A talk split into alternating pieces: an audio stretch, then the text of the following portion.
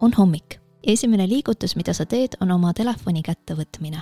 tõenäoliselt kõhtuti paned selle viimase asjana käest ära.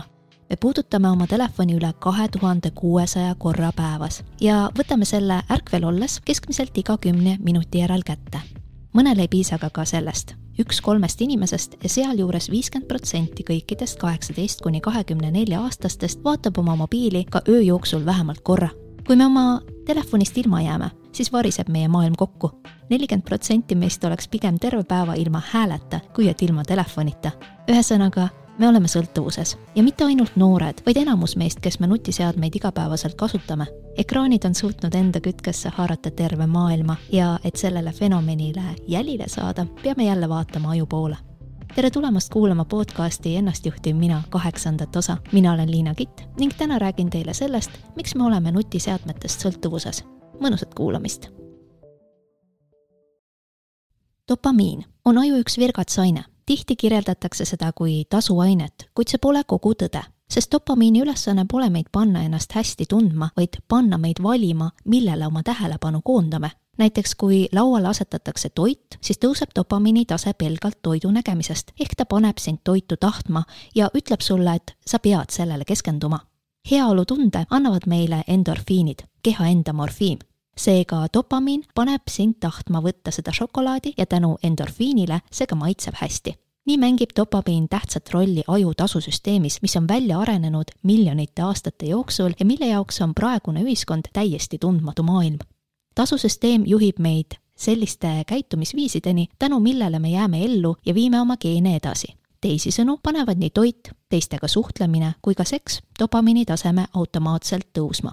Miks ma seda aga praegu räägin? ikka sellepärast, et ka nutiseadmed panevad dopamiini taseme tõusma, mistõttu tunned vastupandumatut soovi näiteks nutitelefoni kätte võtta, kui sõnumi või mis iganes teavituse saad.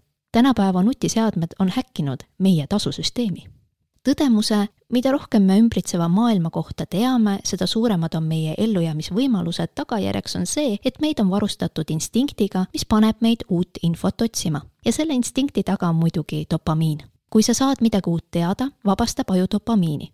aju ei janune ainult uute teadmiste, vaid ka uute keskkondade ja sündmuste järele ajus on dopamiini tootvaid rakke, mis reageerivad ainult uutele asjadele näiteks jätab oma kodutänava nägemine need rakud täiesti külmaks, kuid kui sinu kodutänaval jookseb aga ringi paljas mees, siis need rakud äkitselt aktiveeruvad. see, et meie ajus on uue info järele janunevaid dopamiinirakke, tähendab, et aju tasustab absoluutselt kõike uut seetõttu ongi meis olemas soov reisida uutesse paikadesse, kohtuda uute inimestega ja kogeda uusi asju nüüd tänapäeva maailmas annavad meile uut infot ka arvutid ja nutitelefonid. iga uue lehekülje avamise peale vabastab aju dopamiini ja selle tulemusena meeldib meile edasi klõpsata ja nii jõuamegi Postimehe artiklist Youtube'i kassivideoteni. samuti jääb mulje, et meile meeldib iga järgnev lehekülg hulga rohkem kui see, millel parasjagu viibime nimelt jääme viiendikule kõigist internetilehekülgedest lühemaks ajaks kui neli sekundit ja ainult neljale protsendile pühendame üle kümne minuti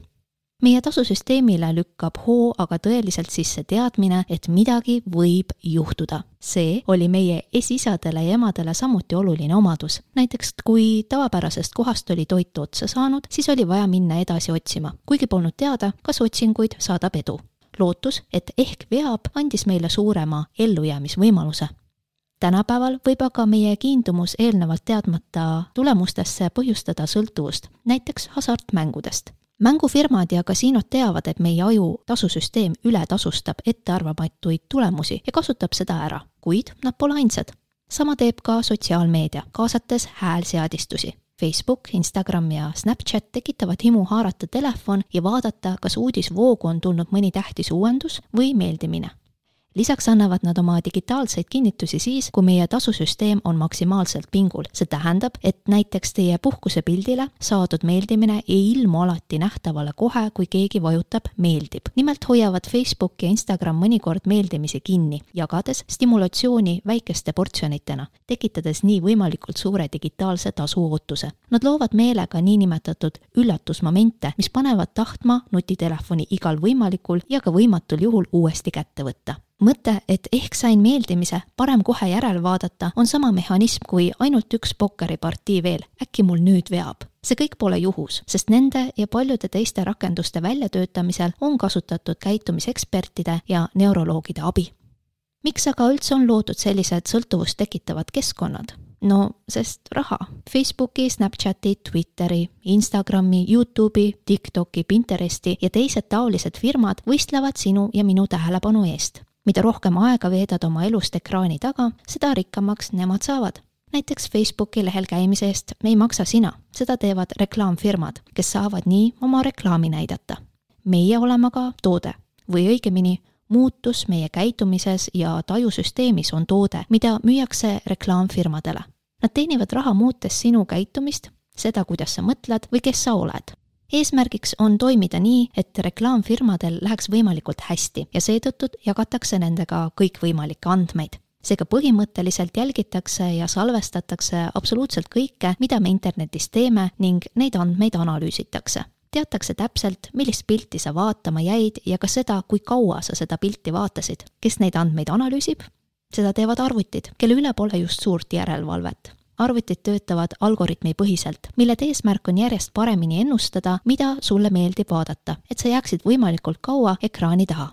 sellistel firmadel nagu Google või Facebook on kolm eesmärki. kõigepealt hoida sinu tähelepanu ekraanil nii kaua kui võimalik, siis teiseks on niinimetatud laienemise eesmärk, et sa tuleksid ikka ja jälle tagasi ja kutsuksid ka oma sõbrad midagi näiteks like ima või vaatama. ja kolmandaks eesmärgiks on reklaamimine, et samal ajal, kui kõik eelnev toimub, teenitakse ka raha.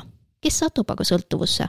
kui teadlased uurisid ligi seitsmesaja ülikooli tudengi telefoni harjumusi, jõudsid nad tulemuseni, et kolmandik katseisikutest olid sellises sõltuvuses, et ei suutnud isegi öösiti telefonist eemal olla selle tagajärjeks oli päevane väsimus. niinimetatud suurtarbijate seas olid peamiselt isikud, kellel on A-tüüpi isiksuse jooni. Need on siis võistlustele orienteeritud, madala enesehinnanguga inimesed, kes tekitavad iseendale elus liigset stressi. rahulikuma ellusuhtumisega inimestel, niinimetatud B-tüüpi isiksustel, polnud üldiselt telefonisõltuvusega probleeme. kuidas aga vähendada sõltuvust? kõigepealt tuleks kaardistada enda telefoni kasutus. kasuta rakendust, mis mõõdab, kui tihti sa selle kätte võtad ja kuidas selles veedetud aega jaotad. nii näed mustvalgelt, kui palju aega nutitelefon sinu päevast üldse röövib. hea on ka osta endale tavapärane äratus- ja käekell, nii on vähem põhjust nutiseadme järele haarata. mõistlik on lülitada välja ka kõik tõuketeated, et võtta kontroll tagasi ja otsustada ise, millal sul on aega mingit meili või sõnumit lugeda või üldse kelle pilti vaadata hea mõte on ka eraldada sõnumite, meilide ja uudisvoogude vaatamiseks päevas kindel aeg, mil seda teed. ülejäänud päevast saad tegeleda muude asjadega. kui pead aga millelegi keskenduma, siis on hea mõte mobiil üldse kõrval tuppa jätta ja ta hääletu peale seadistada. kui sõltuvus on aga väga tugev, siis tulevad abiks rakendused, nagu näiteks Adblock, Newsfeed Eradicator, Stay Focused ja Space, olles vaid mõned näited kokkuvõtteks võib öelda, et me oleme evolutsiooniliselt varustatud instinktiga, mis paneb meid uut infot otsima. instinkti taga on dopamiin, mis ütleb meile, millele oma tähelepanu peame suunama. oluline on aga just uus info, mille saamisel aju meid ka premeerib tasusüsteem on aga eriti kiindunud ettearvamatutesse tulemustesse. sotsiaalmeedia arendajad on hoolikalt uurinud meie tasusüsteemi ja teavad väga hästi, kuidas aju armastab ebakindlaid tulemusi ja millise sagedusega neid meile pakkuda meil on kaks valikut, kas oleme sotsiaalmeedia ohvrid ja laseme igal kõlinal oma tähelepanu endale haarata või otsustame ise, millele ja millal oma tähelepanu anname. selleks on vajadusel abiks ka erinevad äpid ja rakendused.